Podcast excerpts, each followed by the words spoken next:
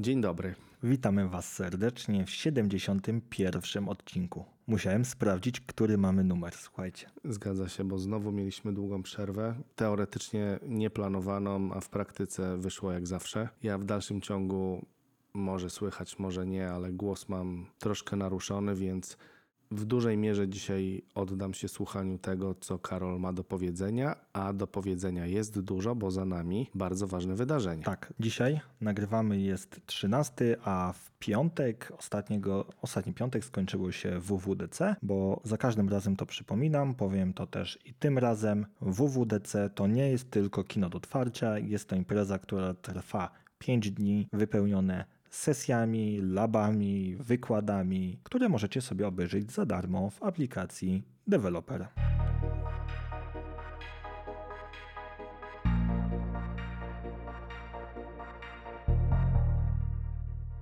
Ale zacznijmy od tego, że na naszej stronie mamy formularz kontaktowy i niezmiennie od kilku już odcinków prosimy Was o to, ażeby z nami się skontaktować właśnie poprzez ten formularz, do czego bardzo serdecznie zachęcamy. Tak, w prawym górnym rogu jest zakładka komunikacja, a także forajempodcast.com łamane przez komunikacja zaprowadzi Was do formularza Google'owego. Tam macie informację taką, że powinniście się zalogować, żeby zadać nam pytanie. Jednak jest to nadgorliwość Google'a i logowanie nie jest wymagane. Jeżeli chcecie być anonimowi, nawet nie musicie się podpisywać. Tak jest, więc serdecznie zapraszamy do kontaktu właśnie przez nasz formularz kontaktowy. No i ja bym chciał też serdecznie, bo spływają do mnie głosy, pozdrowić naszych słuchaczy, którzy to rozsłuchują się w naszym słuchowisku. Jest nam niezmiernie miło i obiecujemy Was nie zawodzić w dalszym ciągu. A ja pozdrowię jeszcze dodatkowo słuchaczki A, przepraszam. i osoby słuchające. Tak, no to tu już znowu powinienem dostać po głowie za takie mało inkluzywne słownictwo, więc tak, serdecznie pozdrawiamy wszystkich naszych słuchaczy, słuchaczki i osoby słuchające. Wracając do tematu, Tomasz, nadrobiłeś konferencję? Oczywiście, że nie. Dobrze, więc dobrze. Dobrze, cieszy mnie to, bo będziesz mi na żywo odpowiadał, co sądzisz na temat ten, o którym zaraz powiem. Jak się zaczęła konferencja? Konferencja zaczęła się od kiedy oglądam je od czterech, może pięciu lat. Nie pamiętam, żeby było tyle sprzętu, bo konferencja, słuchajcie, zaczęła się sprzętem. Były pogłoski, że będzie troszeczkę tego towaru przedstawionego, jednak ja byłem zdziwiony, no bo na ostatnich konferencjach takich dużych, znaczy na WWDC o sprzęcie mówili. Przedostatnio był chyba Development Kit dla Apple Silicon, wcześniej był Mac Pro, teaser Maca Pro, a także chyba Apple Display XDR, a jeszcze wcześniej był iMac Pro. I tak, to to ja nie pamiętam, żeby w ogóle jakiekolwiek sprzęty były pokazywane. A tutaj uderzyli z grubej rury i zaczęliśmy od MacBooka R 15 cali i szczerze mówiąc ja nie wiem, co myśleć o tym komputerze. Od kiedy przysiadłem się. MacBook R 15 cali? Tak, 15,3 cala, tak dokładnie, przekątna ekranu. I ja mam bardzo duży problem z tym sprzętem, bo z jednej strony, od kiedy przesiadłem się na, 15, na 13-calowego MacBooka Pro, nie wyobrażam sobie noszenia większego komputera niż 13 cali w plecaku, a z drugiej strony rozumiem to zapotrzebowanie często w organizacjach, że ktoś potrzebuje większego ekranu mobilnego. I w takim wypadku najczęściej osoba dostawała 15 albo 16-calowego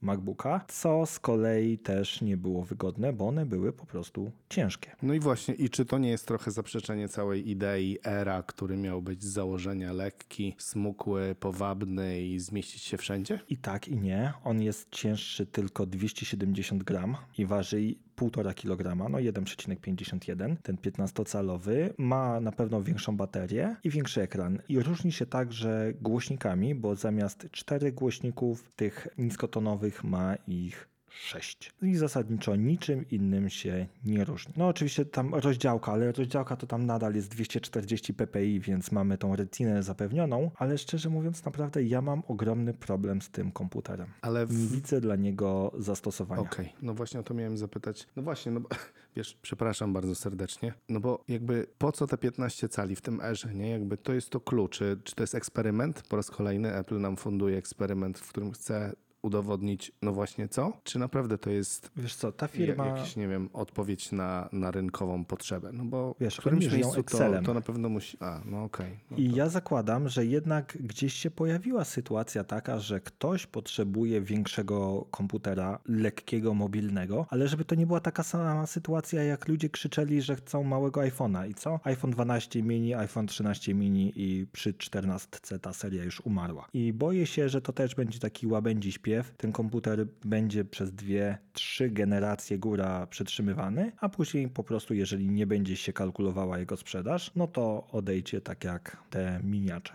No to i tak jesteś pozytywnej myśli, że aż trzy generacje, bo ja śmiem twierdzić dzisiaj, że więcej niż jednej generacji mu nie daje, bo nie, zupełnie nie widzę rynku z przyjemnością. Pewnie wrócimy do wyników sprzedaży, jak pojawią się za e, zamknięty rok czy kwartał pierwszy, gdzie już będą uwzględnione właśnie te maszyny. Kiedy one mają się pojawić? Już, już można je Są. kupować i już są Okej. dostępne. Jeden dzień dostawy, jeden dzień roboczy dostawa w Warszawie, jeżeli chodzi o 15-calowe, te dwa bazowe modele. A cenowo w porównaniu do trzynastki? I tutaj cię zaskoczę. Ogólnie cena netto MSRP potaniała o 100 dolarów, co się przełożyło tutaj na 500 zł i one kosztują tyle, ile kosztowały trzynastki, a te trzynastki są te 500 zł, piękny kawalerze tańsze. Okej, czyli różnica pięciu stówek, no to, to, to rzeczywiście niedużo. Więc oglądałem też wczoraj film MKBHD i Markus pokazywał jedną rzecz. Przez to, że ten komputer ma dużo większą obwiednię termalną, kopertę termalną, po prostu jest większy i może się to ciepło łatwiej rozprowadzać, on tak szybko nie łapie throttlingu. On po kilku sesjach używania Cinebencha dalej miał dużo wyższy wynik niż ten model 13-calowy. Więc przy tym jak energożerna jest M2, to on będzie dłużej, bardziej wydajny niż wersja 13-calowa, ale jeżeli oni jeszcze przetrzymają go do M3, która jest zapowiadana gdzieś na początek przyszłego roku, no to wydaje mi się, że ten komputer dopiero wtedy rozwinie skrzydła. Okej, no dobrze. Cóż, pożyjemy, zobaczymy. I później przeszliśmy do. Czekaj, ja sobie tutaj muszę pozamykać. Maca Studio. Zaskoczył mnie ten komputer, nie ukrywam, bo ja bałem się, że to będzie taki sam case jak wspomniany wcześniej iMac Pro, że potrzebna była jedna wersja, dopóki nie pojawi się przejście do Maca Pro na Apple Silicon i później ten komputer zostanie zapomniany. Tak się na szczęście nie stało i Mac Studio dostał upgrade do M2 Max i M2 Ultra. I co się za tym wiąże? Oczywiście rozwinięcie przede wszystkim przestrzeni tej pamięci zunifikowanej do 192 GB. Wow, no Więc to już robi wrażenie. tak, zakładam, że największe właśnie problemy w opóźnieniu, dlaczego on nie dostał poprzednich, y, wcześniej nie został zupgrade'owany, to jest właśnie oczekiwanie na ten procesor M2 Ultra. I tutaj szukam danych technicznych. Chciałem Ci powiedzieć, ile można ekranów podłączyć do tych komputerów. To jest, to się zaczyna robić powoli chore. Otóż M2 Max obsługuje nawet do 5 wyświetlaczy naraz, czyli może obsłużyć 4 wyświetlacze 4K 60 Hz i podłączonych do portów Thunderbolt i jeden wyświetlacz 4K 60 Hz do portu HDMI, bo ten komputer dostał też zupgrade'owany port HDMI, który obsługuje już obraz 4 albo 6K lub ten M2 Max może użyć, wykorzystać dwa wyświetlacze o rozdzielczości 6K 60 Hz i jeden wyświetlacz 8K przy 60 Hz, więc jest rzeczywiście moc, ale M2 Ultra potrafi obsłużyć 8 wyświetlaczy 4K 60 Hz, ewentualnie 6 wyświetlaczy 6K 60 Hz albo 3 wyświetlacze 8K 60 Hz. Jestem po prostu w szoku. No tak, ale jak widzę, że mm, najbogatsza wersja ma 76-rdzeniowy GPU, no to cóż. Tak, i szczerze mówiąc, ten komputer jest tani. Względnie tani na to, co on potrafi, bo otóż wymaksowana wersja M2 Ultra ze 192 gigsami zunifikowanej pamięci i 8 terabajtami, ja uważam, Prawie 52 tysiące. tak, bez 201 zł. To, ile Apple krzyczy sobie za 8 tera SSD, to jest kradzież. To jest kradzież, rozbój w biały dzień i ja nie wiem, jak oni te marże liczą, bo najszybsze dyski NVMe czwartej generacji, znaczy na złączu PCI czwartej generacji, tyle nie kosztują. Możesz kupić za podobno połowę tego. To jest chore, no ale sprzęt jest piękny i zakładam, że będzie miał bardzo duże wzięcie, że po prostu dużo studiów graficznych, deweloperów będzie chciało ten sprzęt mieć, bo on jest mały, cichy i naprawdę wydajny z tymi 192 GB zunifikowanej pamięci. I tutaj przechodzimy do Maca Pro.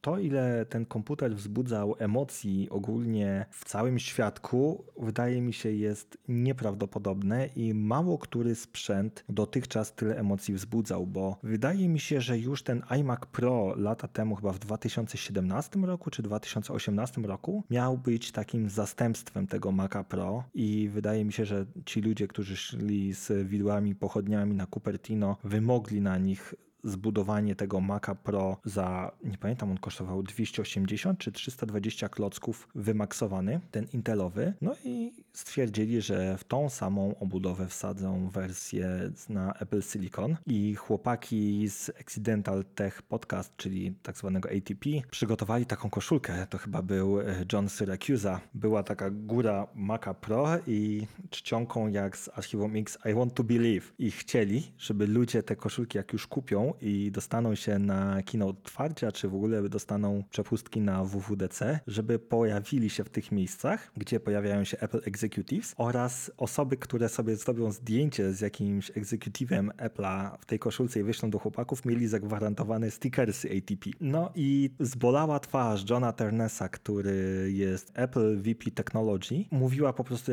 w momencie, kiedy skończyła się prezentacja tego Maca Pro, dwa macie w końcu. Macie i dajcie mi wy wszyscy święty spokój bo zakładam, że oni nie byli chętni robić tego sprzętu, bo ten komputer jest unikatem, sprawdzi się w niewielu tylko zastosowaniach. Dlaczego? Co było mocą w ogóle poprzedniego Maca Pro na Intelu? Maksymalna możliwość włożenia 1,5 terabajta RAMu. 1,5 terabajta RAMu. Nie wiem, czy mówiłem, ale 1,5 terabajta RAMu. Obecne Ziony potrafią obsłużyć do 32 terabajtów RAMu. Terabajtów, 32 RAMu. Ale taki Xeon kosztuje ponad 5,5 tysiąca dolarów netto. Więc Apple odchodząc musiało złożyć swojego, swój silikon do tego. No i włożyli. Tak samo jak w Macu Studio M2 Max i M2 Ultra. Można powiedzieć, że ten Mac Pro to jest takie przerośnięte, taki przerośnięty Mac Studio ze złączami PCI Express. I co było taką mocą właśnie oprócz tego RAMu poprzedniego Maca Pro? Możliwość włożenia dodatkowych kart graficznych. Podczas WWDC było takie spotkanie, wywiad kilku egzekutywów Apple'a u Johna Grubera. Tam John Ternus został zapytany wprost: Panie John, czy będziemy mogli sobie włożyć tam karty graficzne, jak to dotychczas bywało. Kręcił, kluczył. No i wyszło na to, że 20 sekund z tego 5-minutowej wypowiedzi jest tak naprawdę ważne. Nie tak zbudowaliśmy system, żeby można było dokładać karty graficzne. Dziękuję, do widzenia. Więc. Poczekaj, nie tak zbudowaliśmy system, żeby można było dokładać, czyli nie można dokładać. Dokładnie. Super.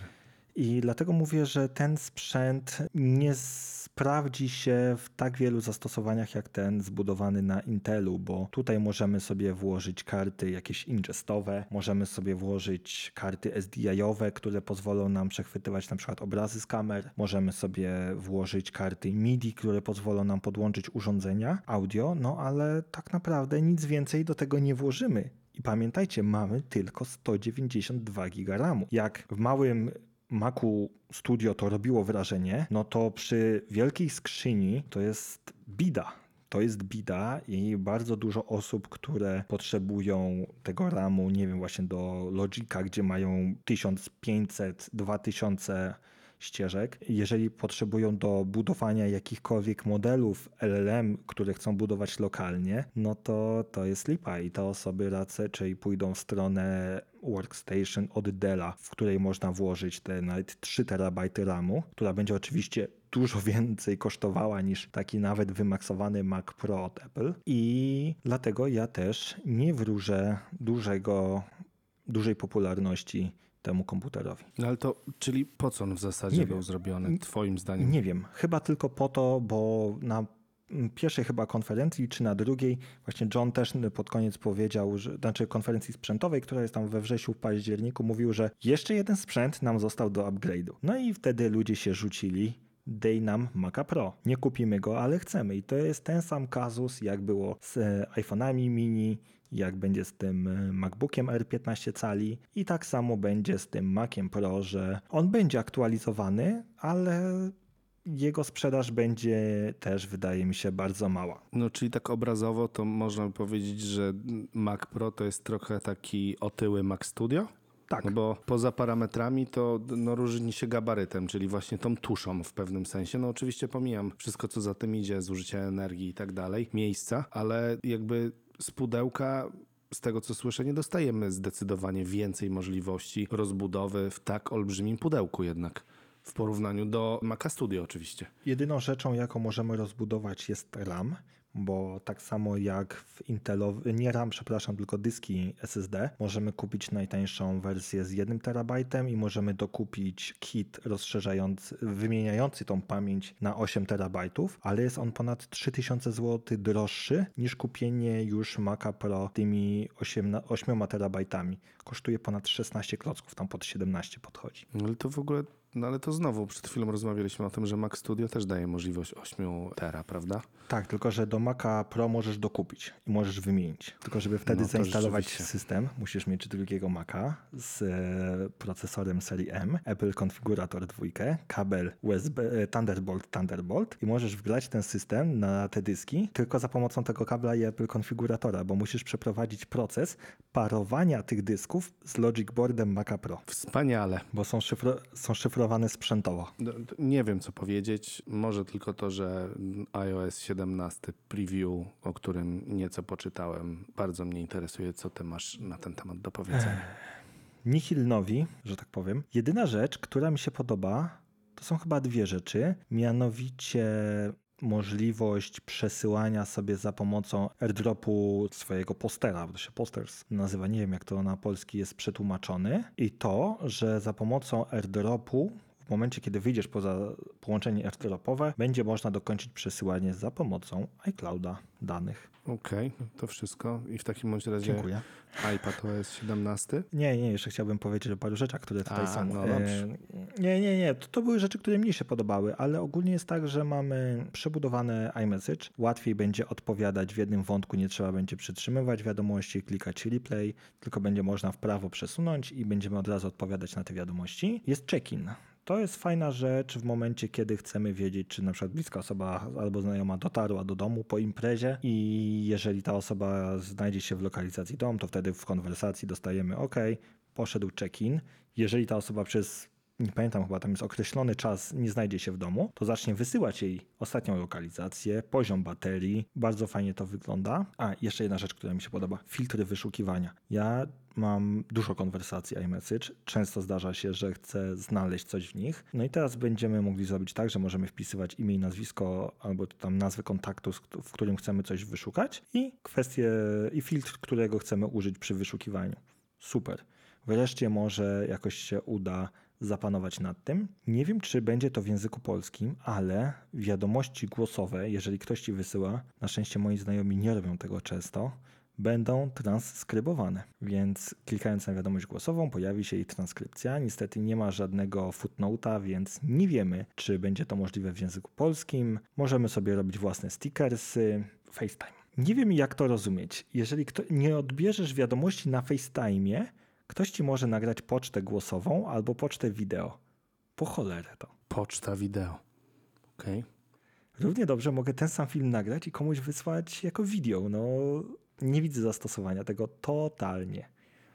Ja też nie. Kolejną rzeczą są reakcje od ręki, czyli jak bym teraz z tobą rozmawiał, bo to będzie zaszyte w całym e, frameworku do wykorzystywania kamery.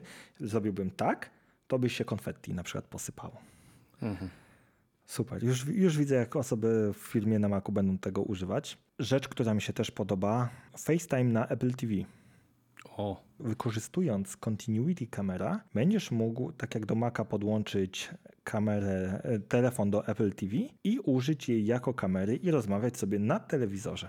za pip, pip, pip, pip, to przepraszam, pip, to się wypipipipipuje, ale to jest mega. Powiem więcej, działa tam też SharePlay, więc będziesz mógł sobie nawet oglądać z kimś Reddita, ja chyba w Reddicie ostatnio używałem SharePlaya przez przypadek i nigdy więcej, więc to działa. Pojawi się coś jak, takiego jak stan gotowości, bądź po angielsku to nazywa się standby i ty będąc beneficjentem iPhone'a 14 Pro i podłączając go do ładowarki MagSafe, Ważne, telefon musi się znajdować pod kątem, nie może leżeć na płasko. Będziesz mógł sobie kalendarz, zegar wyświetlić, wygaszacz ekranu jakiś. Zabawka. No, Wydaje mi się, że to może być przydatne, tak jak będziesz chciał użyć, jak Apple Watcha używasz w trybie tego ładowania, że on ci wyświetla wtedy godzinę. Wystarczy tam w szafkę stuk stuknąć, to wtedy pojawia się godzinka. O AirDropie mówiliśmy. Boję się, że będzie jakaś plaga wysyłania ludziom dickpików, bo Teraz, w momencie, kiedy ten poster sobie skonfigurujemy ze swoim zdjęciem, opisem kontaktu, super sobie to zrobimy, to stykając się końcówami, to znaczy telefonami, możemy przesłać kontakt danej osobie. Będzie to działało również na Apple Watchu. I pytanie, ilu takich troli się znajdzie w komunikacji miejskiej, bo też nie wiem, jak blisko trzeba będzie przybliżyć te urządzenia, żeby wysłać im jakieś mało ciekawe rzeczy. Co jeszcze? Dziennik. To, to jest taka rzecz, wydaje mi się, że, która może w pewnych kręgach aplikację Day One usunąć. Mianowicie będzie można prowadzić dziennik, który będzie pobierał Twoją lokalizację, osoby, z którymi się widziałeś, zdjęcia i będzie można sobie tam zapisywać różne swoje przemyślenia. Nie będzie tego w pierwotnej wersji iOS 17, pojawi się dopiero w późniejszych aktualizacjach. Ale to mówimy o zupełnie nowej aplikacji jako dziennik, czy... Tak. Okej. Tak. To to ciekawe, tego nie widziałem, a ja akurat jako osoba pisząca to, to, to chętnie w ogóle przeanalizuję, jak to działa. Ja też z chęcią na pewno go sprawdzę, zobaczę jak to będzie funkcjonowało. W szczególności te spersonalizowane sugestie, bo tutaj jest właśnie mechanizmy uczenia maszynowego iPhone'a pozwolą Ci utworzyć dla Ciebie spersonalizowane sugestie chwil do upamiętnienia w dzienniku na podstawie Twoich zdjęć, muzyki, treningów i nie tylko. Zapowiada się Więc- ciekawie. Tak, a i właśnie bardzo ważna rzecz. Zgadnij, ile razy na konferencji padło sformułowanie AI? A mówimy o dziesiątkach czy setkach? Jakieś drobna podpowiedź? Nie mogę nic powiedzieć. Zero. Dokładnie. Chyba nie poszli, znaczy chyba na pewno nie poszli drogą Google'a, gdzie były właśnie szoty zrobione na modłę 5G z poprzedniej konferencji, gdzie Sundar Pichai mówił AI, AI, AI, AI. Tutaj Apple użyło poprawnego sformułowania machine learning. Tutaj oni nie używają żadnego AI, chociaż na stronie jest to przetłumaczone, niektóre rzeczy są jako AI, ale na samej konferencji zawsze używali sformułowania nauczanie maszynowe. Okej. Klawiatura dostanie polskiego swipe'a i przewidywanie. Fajnie. Ja jako fan i użytkownik klawiatury systemowej bardzo sobie to chwalę. O Safari będę chciał bardziej powiedzieć w kontekście Mac OS-a. No i chyba tyle z ważnych rzeczy. No może jeszcze AirPodsy możemy poruszyć, bo to AirPodsy mamy najczęściej skonfigurowane z telefonem. Dostaną coś, co nazywa się dźwięk adaptacyjny, czyli pojawi się kolejna formuła, tam mamy noise cancelling, mamy adaptive i coś jeszcze się pojawi. Nie pamiętam dokładnej nazwy, ale w momencie, kiedy będziesz słuchał muzyki, ktoś zacznie do ciebie mówić, muzykę ci przyciszy i wzmocni głos osoby, z którą rozmawiasz. Okej. I tak samo też wyciszy tło. To mnie zastanawia, jak to rzeczywiście będzie działało. Oraz pierwsza beta, już jak przeglądałem wideo, pokazuje, że przełączanie pomiędzy urządzeniami w końcu będzie szybciej działało. Okej, no to to rzeczywiście ciekawie. I ogólnie rzecz biorąc iOS 17 rozumiem, że dla wszystkich dostępny na początku jesieni, gdzieś we wrześniu. Tak, zakładam wrzesień, może końcówka października i na wszystkie urządzenia od iPhone'a SE drugiej generacji i iPhone'a 10R. Ósemki i dziesiątki wypadają z line-upu. Okej, no to ciekawe. Zasadniczo iPad OS 17 dostanie możliwość dodawania widgetów na ekranie blokady, ale to wieszczyliśmy już chyba po poprzednim WWDC. Jeżeli ustawimy sobie jako tapetę live photo, to też będziemy mieli dostępne animacje, które się pojawiają i Craig Federighi, który prowadził prezentację tego, tych systemów mobilnych, a także macOSa, stwierdził, że żyjemy w in really age of wonders, bo będziemy mieli w końcu multi-timery na swoich urządzeniach. Nie będziemy musieli mieć HomePoda, żeby móc sobie skonfigurować kilka timerów. Ludzie, już widziałem na Reddicie, uruchomili 500 symultanicznie timerów na iPadach M1. Ja jako osoba często gotująca czy robiąca wiele rzeczy na raz, bardzo cierpiałem na brak tych multitimerów, bo często jak tam gotowałem ryż, makaron, to sobie na, w domu jak mam HomePoda mini, to tam mówiłem mu rice timer, macaroni timer, no to wtedy później widziałem. W aplikacji domu musiałem wejść w HomePoda, widziałem te timery lecące. No ale teraz w końcu będę mógł to robić na Ja telefonie. jeszcze widzę wyszukiwanie wizualne, co ciekawi mnie, dlaczego dopiero teraz de facto. Um, To działało. I coś aplikacji, no właśnie, więc Ale jest podobno poprawione, bo teraz oprócz wyszukiwania wizualnego, na przykład będziesz miał, nie wiem, pomidora, to on ci powie przepis na pomidorową. mhm. Będzie mógł kontekstowo wyszukać na przykład danie, które możesz zrobić z danego produktu. dobrze, a w apce zdrowie wiemy, co ma się zmienić? Bo, bo W ogóle widzę, tak, jest. pojawi się. Pojawi się aplikacja zdrowie i ona będzie takim chyba hubem e, w- na większej przestrzeni pokazującym to, co mamy na iOSie obecnie. Okej. Rzecz, która mnie kupiła, PDFy i notatki. Po pierwsze, linkowanie notatek pomiędzy notatkami. Wreszcie, nie, jeżeli, nie, jeżeli chcesz dotychczas zalinkować notatkę bądź notatki ułożyć w jakiś ciąg, to miałeś dwie opcje. Albo trzymać je w jednym folderze, albo używać tych samych tagów w notatkach. Tutaj wreszcie będzie można łączyć linki bezpośrednio do notatki. Jeszcze nie wiem, jak to działa, bo szczerze mówiąc nie oglądałem żadnych filmów z bet. A druga rzecz, PDFy w notatkach. PDFy w notatkach będzie można edytować w końcu. To nie będzie taka cegła graficzna, że będziesz mógł sobie po tym PDF-ie porysować pensilem, ale na przykład właśnie ten machine learning wcześniej wspomniany pozwoli na, w momencie kiedy wykryje, że jest, powinno być pole edytowalne w takim PDF-ie, będziesz mógł go uzupełnić z klawiatury. Kosmos. To dla mnie, osoby, która ma bardzo dużo PDF-ów, ułatwi mi wiele rzeczy. Czyli chciałoby się powiedzieć nareszcie, nareszcie. Tak, tak, naprawdę to mi się najbardziej podoba. O Safari miałem powiedzieć w kwestii macOS, ale może powiem teraz. Profile w Safari w końcu. Pytanie, jak to będzie działało, bo na przykład w przeglądarkach typu Chrome czy Edge profil często jest przypisany do konta. W Edge'u jest to konto Microsoftowe, w Chromie jest to konto Google'owe. Raczej nie sądzę, żebyśmy mogli używać różnych Apple ID, ale wydaje mi się, że to jest rozwinięcie tej listy, nie wiem jak to się nazywa w Safari. Jak spojrzę w Safari, a ten e, Group Tabs, że to będzie rozwinięcie tej idei. Super, nie mogę się doczekać. Chcę zobaczyć, jak to będzie działało. Rozwinięcie Freeforma. Szczerze, mam jedną tablicę testową i nigdy z tego więcej nie korzystałem. iPady. iPady, słuchajcie, właśnie nie wiem, czy to iPady z M1. Kliknę sobie w tego footnote'a. Czy on mi coś powie więcej? Footnote number 7. Tak, to będzie działało dopiero z iPadem e, 12.9 trzeciej lub nowszej generacji, iPadem 11 pierwszej lub nowszej, iPadem 10, RM4 i Mini 6, czyli wszystkie iPady mające złącza USB-C. Będziemy mogli podłączyć monitor, który ma kamerę i użyć tej kamery do rozmów na iPadzie. To powinno działać już wcześniej, bo od kiedy mamy driver kit na iPadOSie, powinno być to możliwe wcześniej. Teraz w systemie będą zaszyte sterowniki takie podstawowe do kamer webowych i chciałbym to zobaczyć. Ja sobie, jak już będę miał tego iPadOSa 17, podłączę sobie stację dokującą, do której mam podłączony monitor i kamerę na USB i zobaczymy, czy to wykryje. I chyba jeszcze jedna rzecz, kt- która mi się podoba. AirPlay w hotelu. Słuchaj, część hoteli zakładam, że w Polsce za 10 lat, będą miały możliwość używania AirPlaya. Na, tele, na telewizorze będzie wyświetlał Ci się kod QR, który sobie zeskanujesz telefonem, iPadem i będziesz mógł sobie obraz bezprzewodowo wysłać lub muzykę na takie urządzenie. No ale Ko- to oczywiście zależne wszystko będzie od tego, jakie mamy odbiorniki TV, no bo...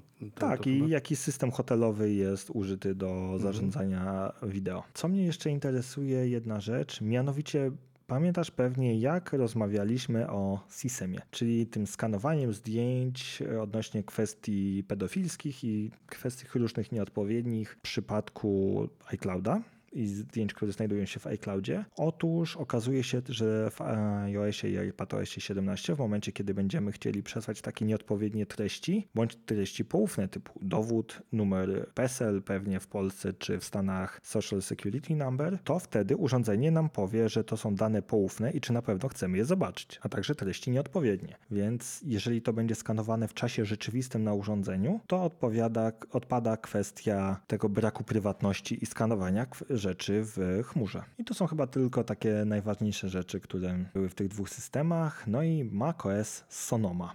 Jak ci się, Tomasz, podoba nazwa? No kojarzy mi się z Sodomią, więc tylko tyle. Chyba wszyscy mówią w Polsce Sonoma i Gomora, więc żadna nowość. Mało komu się podoba ta nazwa. Sonoma jest to region w południowej Kalifornii, który słynie podobno z dobrej jakości win. O, to ciekawe, to nigdy nie słyszałem. Ja też nie, ja się dowiedziałem na konferencji, więc to jak się zaczęła prezentacja tego systemu, to tak stwierdziłem, no jeżeli wy pokazujecie takie coś, no to no to, no to trochę słabo, tak, tak powiem, bo zaczęliśmy od nowych, fantastycznych wygaszaczy ekranu, których ja nigdy nie używam, bo nie mam włączonych. Te wszystkie aeri- aeriale, które znamy z Apple TV, one będą dostępne w systemie. Super.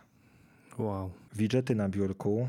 Używam widgetów w Control Center i to mam ich kilka tylko. Głównie e, stocks, e, godziny i mam jeszcze, jeszcze chyba czas przed ekranem. Mianowicie teraz będziesz mógł sobie te widgety wyciągnąć na pulpit i jeżeli na przykład masz aplikację do sterowania samochodem, a aplikacji nie masz na Macu, to tak długo jak twój iPhone będzie w tej samej sieci i w pobliżu komputera, to będziesz widział ten widget na komputerze. Słuchaj. Niesamowite. No, po prostu bombastiko. Jedyna rzecz, oprócz wspomnianych wcześniej profili, która mi się podoba, to jest, słuchaj, sposób prowadzenia wideokonferencji. To też będzie związane z VideoKitem, chyba tak to się nazywa ten framework. Mianowicie będziesz mógł, czy to tak jak przez Teamsy teraz rozmawiamy, czy będziesz chciał przez FaceTime'a coś prezentować, będziesz mógł na komputerach z procesorami serii M wyciągnąć siebie do małego okienka, czy nawet wyciąć całe tło za sobą, nie będąc na green screenie ani żadnym innym blue screenie i będziesz mógł się zmniejszyć, prezentować wszystko na dużym ekranie. Bardzo Brzmi mi się to, to podoba. kosmicznie. Ciekawe, jak to będzie działać w rzeczywistości. Zakładam, że to jest kwestia tylko tak naprawdę oświetlenia, no bo o to się najczęściej rozbija, jeżeli chodzi o wykorzystywanie machine learning przy takim automatycznym wycinaniu ludzi. Co, przebudowa wiadomości, o tym mówiliśmy, naklejki nikogo, PDF-y i notatki tak samo. E, game mode. Procesory chyba, komputery z procesorami chyba M2 zyskają coś, co nazywa się game mode i maki będą działały na większym taktowaniu, żeby można było sobie pograć w gry. Super. Ale ale, ale na scenę wyszedł sam Kojima-san, czyli słynny Hideo Kojima i powiedział, że gra z 2019 roku będzie działała na macOSie, Death Stranding, więc e, no super, super. Można już podobno składać preorder w App Store. Druga rzecz, wypuścili coś, co chyba nie wydawało im się, że tak bardzo się spodoba ludziom. Mianowicie wypuścili toolkit, który pozwala deweloperom w łatwy, prawie niewymagający pracy sposób przeportować na szybko gry Windowsowe na macOS. Jest taki odpowiednik Steamowego Protona, gdzie Steam, żeby na tej swojej konsoli mobilnej Steam Decku można, mógł odpalać gry normalne Windowsowe, stworzył taki toolkit, oni to zaadoptowali i okazuje się, że przy minimalnym nakładzie pracy, co oczywiście nie jest zalecane, można sobie odpalić normalne gry typu Cyberpunk, Diablo 4, na Macu i działa to płynnie. Więc jeżeli deweloperom będzie się chciało zainwestować w to trochę czasu, no to gaming on Mac jest bliżej niż myślimy. Ciekawe. No ja w ogóle nie jestem odbiorcą tego rozwiązania, ale no zakładam, że jest Ja tak samo, ja mam wielu zwolenników. Zakładam, że tak, no bo niestety to granie w chmurze nie jest jeszcze tak efektywne, jakbyśmy chcieli we wszystkich miejscach na świecie. Ja do grania mam konsolę, nawet nie będę tego sprawdzał, ale pomysł jest zacny. Rozbudowany lockdown mode i wydaje mi się, że to są chyba takie najważniejsze rzeczy z macOS Sonoma. Wydaje mi się, że oni bardziej poszli wreszcie w stabilność i taki update systemu, znaczy upgrade może niż jakąś wielką mega rewolucję. WatchOS chyba nigdy nie miałem bardziej ambiwalentnych uczuć niż teraz, od kiedy nie mam Apple Watcha. Ale Apple WatchOS został przebudowany, będzie można, odzyskał coś, co się nazywa widgety. Mając na przykład taką pustą tarczę, będziesz mógł sobie przekręcić koronką i widgety, które się zbudują w Smart Stacku, czy nawet będziesz mógł sam sobie je rozbudować i ułożyć, będą pokazywały najpotrzebniejsze informacje. Są dwie nowe tarcze, jest Snoopy, dwie tarcze ze Snoopy, super. Rzecz wyśmiewana trochę przez użytkowników zegarków Garmin, Polar, Sunto czy Coros. Apple Watch zyskał i WatchOS zyskał aktywność jazdy na rowerze i będziesz mógł sobie miernik mocy podpiąć miernik kadencji, prędkości i będzie ci przeliczał e, moc i FTP w czasie rzeczywistym. Mm, Ja się tylko tak zastanawiam, jak ja po Bluetoothie bym podłączył miernik mocy, do tego miernik kadencji i prędkości, to czy musiałbym mieć na jakiś dłuższy wyścig dwa Apple Watch Ultra, żeby nie zeżarło mi baterii? No właśnie, to jest bardzo dobre pytanie, jak to by miało działać w rzeczywistości. Obaj dobrze wiemy, jaki jest problem z baterią. Dokładnie. Górskie wędrówki będziemy mieli info, jeżeli Apple Watch, właśnie nie wiem, czy to każdy, czy tylko Ultra. W momencie, kiedy będziemy, mamy tą tarczę kompas, jesteśmy gdzieś w górach, czy w innym miejscu, gdzie stracimy zasięg, pokaże nam miejsce, w którym ostatni raz mieliśmy zasięg GSM. Super rozwiązanie. Monitorowanie zdrowia psychicznego, stan wzroku. O, słuchajcie, o tym nie powiedziałem. Tego nie powiedziałem. Stan wzroku. Teraz, jak będziesz miał iPada przedługo przed oczami albo iPhone'a, to ci się pojawi informacja odsuń mi od twarzy. Dobrze, Zapamiętaj to w kontekście o czymś, o czym za chwilę będziemy rozmawiać. To są takie nowości. ale monitorowanie stanu zdrowia psychicznego, hello, jakby to ja nie rozumiem, czy to będzie uzależnione od tego, jakie medykamenty przyjmujesz, no bo jakby jestem w stanie zrozumieć wszelkie parametry medyczne i tak dalej, ale na miłość boską, co to ma być monitorowanie stanu zdrowia psychicznego? To brzmi to dla mnie dość kuriozalnie, ale Już ci mówię. Wiem, może po Mm. prostu ignorantem jestem. Nie, nie, bo jak nie oglądałeś konferencji, to rzeczywiście jest taka sytuacja, o której też nie wspomniałem. Pojawia się dodatkowa aplikacja, w której będziesz mógł odnotowywać swój nastrój. I on też będzie się podobno odkładał w tej aplikacji dziennika i będziesz miał tam proste chyba 5 czy 6 pytań, jak się czujesz w danej chwili, jakaś ankietka będzie mała i będzie później badało, jak twój nastrój zmieniał się w czasie. No to sorry, ale to jest tak subiektywna kwestia i wystarczy, że jakby osoby, które mają zaburzenia w tej materii, wystarczy, nie wiem, chwila, bodziec jeden i jakby on w tym momencie odłoży ci jakiś, nie wiem, nastrój, a w gruncie rzeczy, nie wiem, dajmy na to 8 godzin wcześniej do wydarzenia, które się wydarzyło 5 minut temu, było super fajnie. No nie kupuję tego, ale okej, zobaczymy, z chęcią temu się przyjrzę, bo, bo może to jest w jakąś stronę kierunek, tyle tylko, żeby ktoś za bardzo tego nie uprościł, bo ja obawiam się, że to może przynieść odwrotny skutek i rzeczywiście na podstawie tych kilku pytań i jakiś trend, który się stworzy dla wielu osób, a nie oszukujmy się, że osoby z zaburzeniami psychicznymi są bardzo łatwo podatne na niektóre rzeczy i teraz no jakby jeżeli jeszcze Apple Watch będzie mówił, że tydzień temu o tej porze czułeś się słabo, czy tam twój nastrój był taki, no to, to jakby ja też mam poczucie, że jeżeli takie coś nam powie Apple Watch, to automatycznie wiele osób niestety może, szczególnie tych, które ten overthinking gdzieś tam kultywują niemiłe, no to, to, to może im to budować jakiś nastrój. Ciekawe, bardzo chętnie mi się temu przyjrzał i, i przeanalizował to, jeżeli chodzi o, o, o stan wiedzy, który obecnie gdzieś tam mi towarzyszy, jeżeli chodzi o tego typu problematykę. Także zobaczymy. Nie było bezpośredniej części, przechodząc dalej, odnośnie Apple TV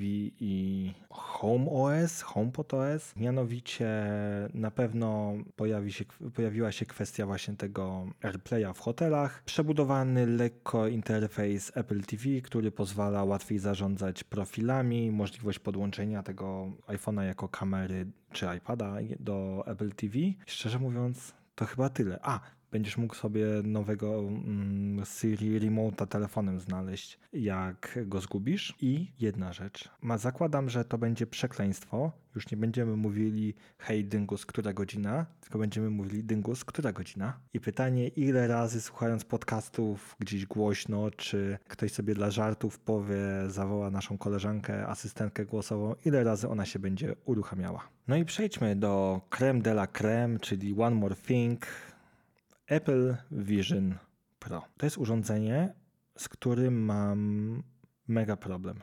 No już nie pierwszy raz dzisiaj to słyszę, ale jestem bardzo ciekawy Twojej opinii. Ja swojej nie mam i nie chcę być ignorantem, który powie cokolwiek, mając niedostateczny poziom wiedzy na ten temat. Liznąłem nieco, ale nie chciałbym jeszcze się wypowiadać, biorąc pod uwagę to, że jest kilka rzeczy, które czekają na mnie, których bym się chciał dowiedzieć. Materiały są, ale jeszcze nie potrafiłem ich przetrawić.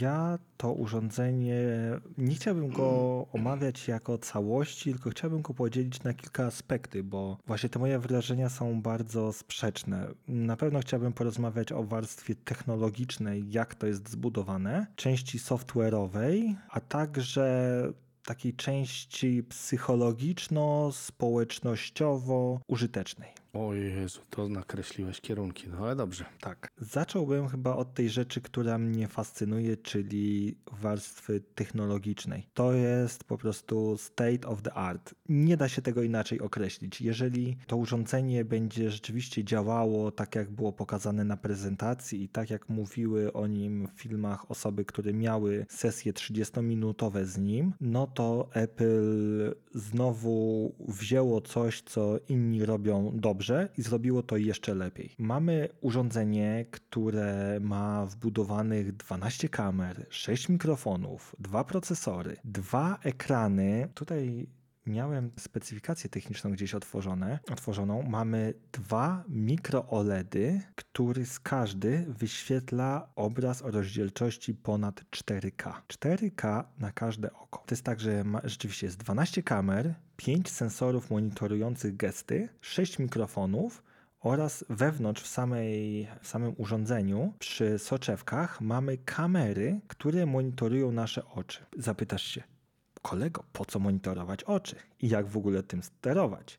Otóż dużo, większość zestawów AR, VR, MR wymaga kontrolerów do używania. HoloLensy Microsoftu, jak znajdę zdjęcie, wstawię wam jako zdjęcie rozdziału, gdzie mówimy o Vision Pro, wymagały używania rąk na wysokości swoich oczu, więc jeżeli chciałeś coś wykonać, to mając okulary musiałeś mieć ręce na wysokości oczu podniesione i dopiero coś można było tym manipulować. Nie było to wygodne. Tutaj na wszelkich materiałach promocyjnych osoba siedzi i ma ręce odłożone na kolanach i tutaj wykonuje jakieś gesty, działania. Jest sześć albo osiem gestów, zaraz Wam powiem dokładnie, które mówią o tym, jak się używa takiego urządzenia. Mamy wyświetlacz na zewnątrz. Słuchajcie, ja w pierwszym e, toku myślałem, że to jest e, kwestia taka, że on jest przezroczysty.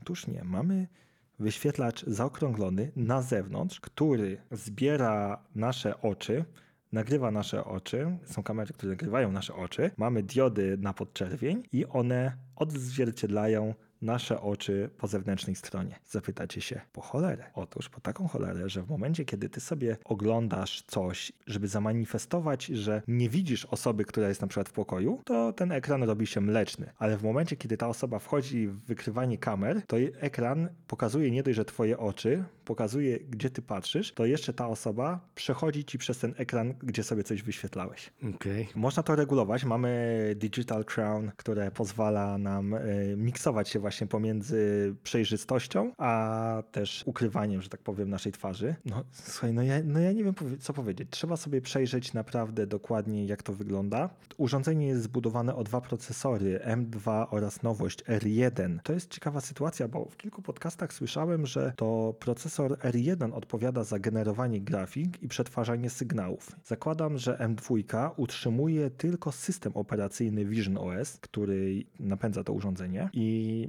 rzecz, która wydaje się niesamowita. Lag pomiędzy ruchem, odczytaniem ruchu dłoni, wydaniem komendy wynosi 12 milisekund. Dla przybliżenia mrugnięcie okiem trwa od 100 do 150 milisekund. Okej. Więc osoby, które przez pół godziny miały to urządzenie na twarzy, pytanie, czy to jest kwestia adrenaliny, czy też rzeczywiście tak dobrze to działa, mówią, że nie mają tak zwanej choroby symulatorowej bądź choroby VR-owej. Jest to bardzo uproszczona nazwa schorzenia, które powoduje to, że nasz mózg wpada w taki dysonans pomiędzy tym, co widzi, a tym, jak się zachowuje w rzeczywistości błędnik. Często to widać na różnych wideo, jak ludzie oglądają przyjazdy z roller coasterów, pochylają się, odchylają, tak jakby próbowali się, tak jakby się zachowywali na tej kolejce, ale jednak błędnik jest w miejscu i w pewnym momencie robić się niedobrze. No tak, a tutaj tego efektu nie ma ze względu na tak krótkie czasy opóźnienia, jak rozumiem.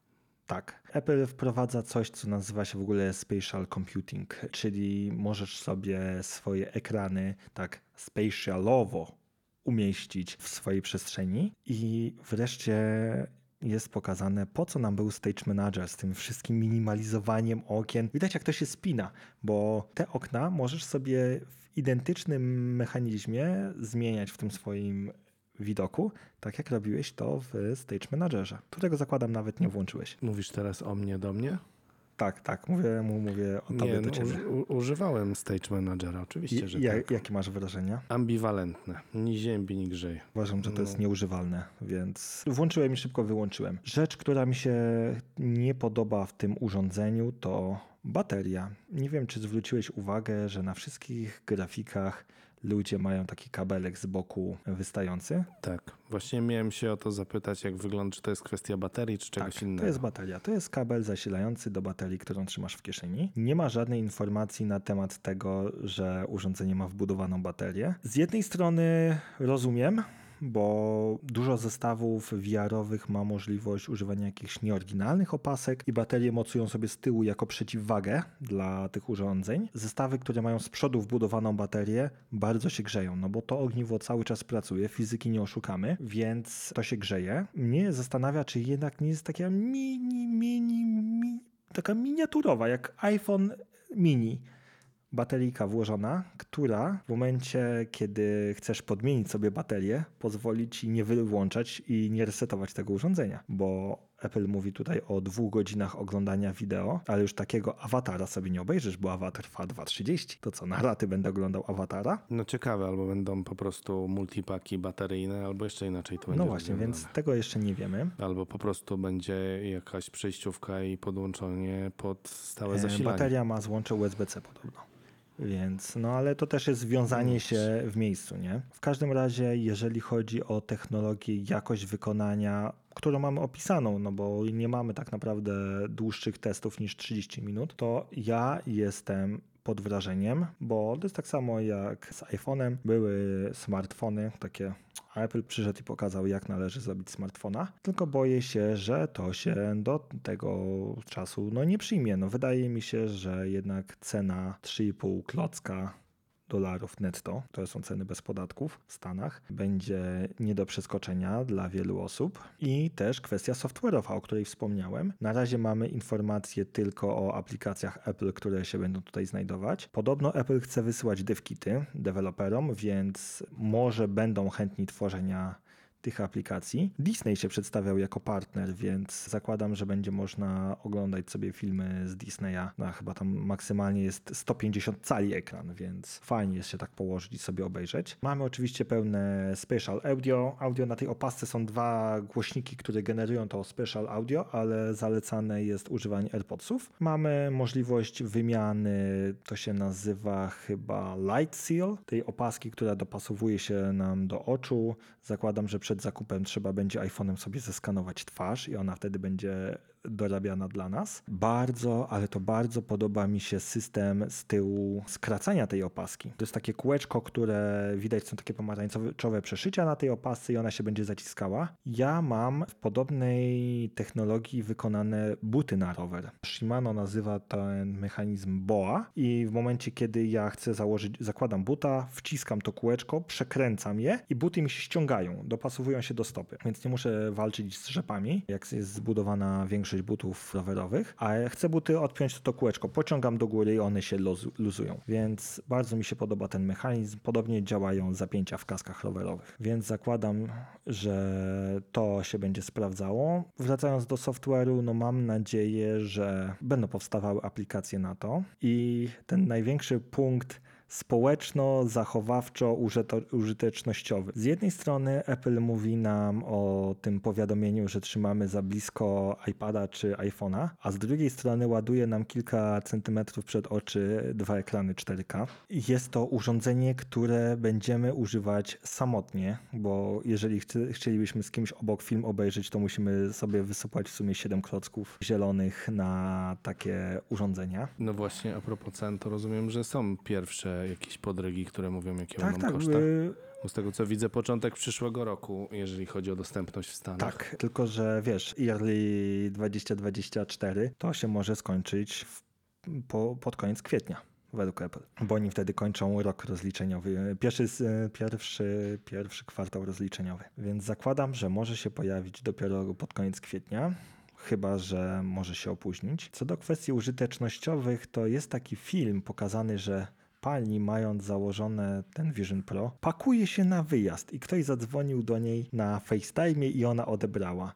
No, ja nie wiem, czy pakując się na wyjazd, chciałbym mieć to na oczach i nagle przerwać i rozmawiać z kimś przez FaceTime'a. A właśnie, jak będą rozmawiały dwie osoby na FaceTime'ie mające takie rzeczy? Przecież nie będą się widziały, nie będzie kamer. Otóż będzie można stworzyć coś, co się nazywa Spatial Persona. Cameron Trudev Będziesz sobie odwracał gogle pierwszy raz, będziesz sobie skanował twarz, stworzysz takiego swojego awatara i w momencie, jak będą rozmawiały dwie osoby z takim e, ekranem, bądź ty się podłączysz, e, znaczy z tym zestawem, headsetem, lub ty się podłączysz do jakiejś konferencji, to będzie ta twoja spatial persona i ona będzie odwzorowywała twoją mimikę, ruch twoich oczu za pomocą właśnie tych kamer, o których mówiłem, są w zestawie wokół soczewek wbudowane. Przerost formy nad treścią moim zdaniem. Nie, ale to jest chyba przyszłość w, pewnym sensie, więc ciekawe, czy teraz dopiero nie zacznie się tak naprawdę akceleracja tego typu technologii i, i zacznie się zmieniać świat? Może. Ja jestem totalnie VR-owym ignorantem. Są e, podcasty, które dużo mówią o VR-ze, o technologiach w nich używanych. Ja się na tym nie znam. VR miałem raz w życiu na twarzy. Działało to średnio. Raz miałem HoloLensa na oczach. Podobało mi się bardzo, ale to było 5 lat temu. No i nadal nie jestem w stanie znaleźć zastosowania dla tego rozwiązania. Jeżeli Apple chciało pokazać kunszt technologiczny i ile dolarów można w milimetr sześcienny takiego zestawu upchać, super, szapoba, udało im się to bardzo, tylko czekam na to, jak będziemy mogli tego używać, nie ukrywam, zarobkowo. Bo kwestia wydania 3,5 tysiąca dolarów w przeliczeniu któryś MacBook e, w pewnej specyfikacji kosztuje 3,5 tysiąca dolarów. W przeliczeniu na złotówki było to 2099 lub 20 199 lub 20 099 złotych. Więc zakładam, że to będzie ten poziom ceny. Ciekawe. No trudno cokolwiek powiedzieć chyba na ten moment, mi już szczególnie. No ale cóż, jakby the future is now no i to chyba ja bym tak podsumował, ale zobaczymy. Nie wiem, czy Karol jeszcze chcesz coś wnieść w temacie Vision Pro? Tylko to, że jest napędzany przez system Vision okay. OS. No ciekawi mnie to bardzo, bo rzeczywiście ten VR ruszał, startował, miał być, nie był. Ja akurat nie słyszałem o tym, czy były jakieś przecieki mówiące o tym, że Apple pokaże właśnie na minionym WWDC takie rozwiązanie. Wydaje się, przepraszam, że to może być, nie wiem, zwrot, czy tak to można nazwać? Ciekawe. Przecieki były, dużo osób o tym mówiło, ludzie spodziewali się dużo mniejszej ceny. Jeszcze chciałbym dodać ze swojej perspektywy jedną rzecz, perspektywy osoby noszącej okulary. Otóż była informacja, że będą inserty optyczne od Zeissa i będzie recepta na to. I te soczewki będą mocowane magnetycznie wewnątrz, wewnątrz tego urządzenia. Pojawiły się ceny takie, nie wiem czy to są oficjalne ceny, raczej z przecieków, bo na stronie produktowej nie ma od 300 do 600 dolarów, bo tego zestawu nie jesteś w stanie używać z okularami. Pewnie ze zwykłymi soczewkami nie powinno być problemu. No to trochę problem. Nie wiem jaka część populacji w ogóle używa okularów na dzień dzisiejszy, ale no jest to duża grupa, zakładam, więc dodatkowa bariera dla wielu osób wejścia, mhm. jeżeli chcieliby wykorzystywać tego typu urządzenie. No ale to akurat nie tylko problem, jeżeli chodzi o Apple, zakładam, więc. Czytałem jakieś badania, że przelicza się, bądź tak estymuje bardziej, że 70% ludzkości ma problem jakiś ze swoimi oczami. Zdiagnozowany, niezdiagnozowany, ale według jakiegoś modelu przeliczeń wychodzi na to, że 70% osób ma jakąś wadę. No właśnie, no to 70% ma jakąś wadę, to weźmy na to poprawkę, że niech 30% ma zidentyfikowaną i wie o tym, jakich korekcji powinien używać, no to mówimy o jednej trzeciej populacji, nie? Więc jakby to jest bardzo duża ilość, więc jeżeli byśmy wzięli pewnie na piedestał choroby, jeżeli chodzi o, o jakieś nie wiem, zwyrodnienia wzroku, możemy powiedzieć, albo odchyły od normy, no to, to pewnie wśród chorób cywilizacyjnych, jeżeli zaliczylibyśmy to, jest pewnie czołowa, jakaś tam pewnie piątka. Zgadza się. Ja ostatnio zacząłem znowu chodzić w soczewkach, bo zacząłem jeździć na rowerze i nie wyobrażam sobie jeżdżenia przez kilka godzin bez okularów. A w takim wypadku, chcąc uprawiać jakiś sport, musiałbym mieć okulary do biegania, korekcyjne, przeciwsłoneczne, okulary korekcyjne na rower, okulary korekcyjne do pływania i po prostu ludzie mieliby kupę tych okularów. A bardzo dużo osób też nie może chodzić w soczewkach, bądź ma awersję przed wkładaniem sobie do oczu, a później wyjmowaniem takich małych elementów. No nie ma Więc, co się y, dziwić. Ja naprawdę ciężko to widzę. Ja osobiście mam duży problem z wkraplaniem kropli do oczu nawet, a co dopiero zakładaniem soczewek. No ale to pewnie wszystko jest kwestią przyzwyczajenia, więc... Tutaj moja małżonka mogłaby się wypowiedzieć, że mnie do oka nie da się zajrzeć, jak mi coś wpadnie, bo po prostu mam taki odruch zamykania, uciekania, ale soczewki już sobie włożę i nawet sam sobie wyjmę bez problemu. W niedzielę, słuchaj, włożyłem sobie soczewki za pierwszym razem zasadniczo. W ciągu chyba 15 sekund y, do obydwu oczu włożyłem soczewki, co mi się nigdy nie zdarzało. Co prawda byłem spóźniony z wyjściem, ale udało mi się. Okej, no to może to jest jakaś metoda, żeby mieć nad sobą jakiś bat czasowy. No, bo pochwalę się, razem e, z kolegami z firmy startowaliśmy w Ironmanie. Polecam. Ja w sztafecie tylko, no bo ja to tam e, pływam tak, że mogę się utopić, więc ja w sztafecie, ale nasz kolega Piotr, słuchajcie, zakwalifikował się do Mistrzostw Świata w Lahti na dystansie połowy Ironmana, więc chłopak ukończył w kategorii wiekowej M45-50 w czasie 4,21. 1900 wody, 90 roweru plus półmaraton, więc ja jestem pod mega wrażeniem. Chłopak po przepłynięciu wody i przejazdu rowerem na dystansie całego półmaratonu miał o 30 sekund lepsze tempo niż ja na dystansie 11 km. Aha. No to rzeczywiście mocarz. Chłopak poszedł jak przecinak. No dobrze, to nic tylko pogratulować. mega. Dla ciebie, Dokładnie. panie szanowny, również. Tak, no i słuchajcie, też w niedzielę pojawił się nieoficjalny, bo nie sprawdzałem jeszcze od niedzieli, rekord polski, też w dystansie połowy Ironmana 3,27. Jeden chłopak wykonał, chyba 26 lat miał. Ma 3,27, słuchajcie. 1900 wody, 90 rowerem i półmaraton. W ogóle jakieś są dla mnie kosmos, nie? Ja, ja nie wiem w ogóle, jak, co, co co mam o tym myśleć. Ja to tylko, ja szanuję, ja mogę powiedzieć tylko, że szanuję i jestem pełen podziwu.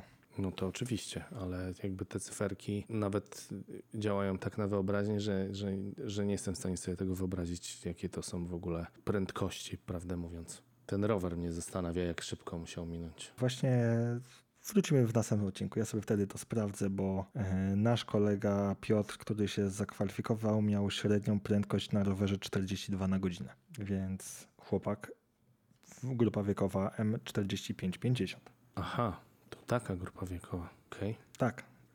Tak, to jest po prostu. no no. No dobrze, czy coś jeszcze mamy na dzisiaj? Tak, ja tylko przypomnę, że mamy formularz kontaktowy forajempodcast.com łamane przez komunikacja bądź na forajempodcast.com prawy górny róg komunikacja. Mam nadzieję, że wytrwaliście z nami do końca, bo jak tak patrzę tego nagrania, to masz to jest nasz rekord, godzina 17 właśnie mi minęła, więc No ja mam wow. 71 minut. Postaram się później, złożyć jak najszybciej. e, Zacząłem, także No to co, do usłyszenia. dziękujemy. Dziękujemy za spędzony czas. Pozdrawiamy bardzo serdecznie i do rychłego usłyszenia. Hej.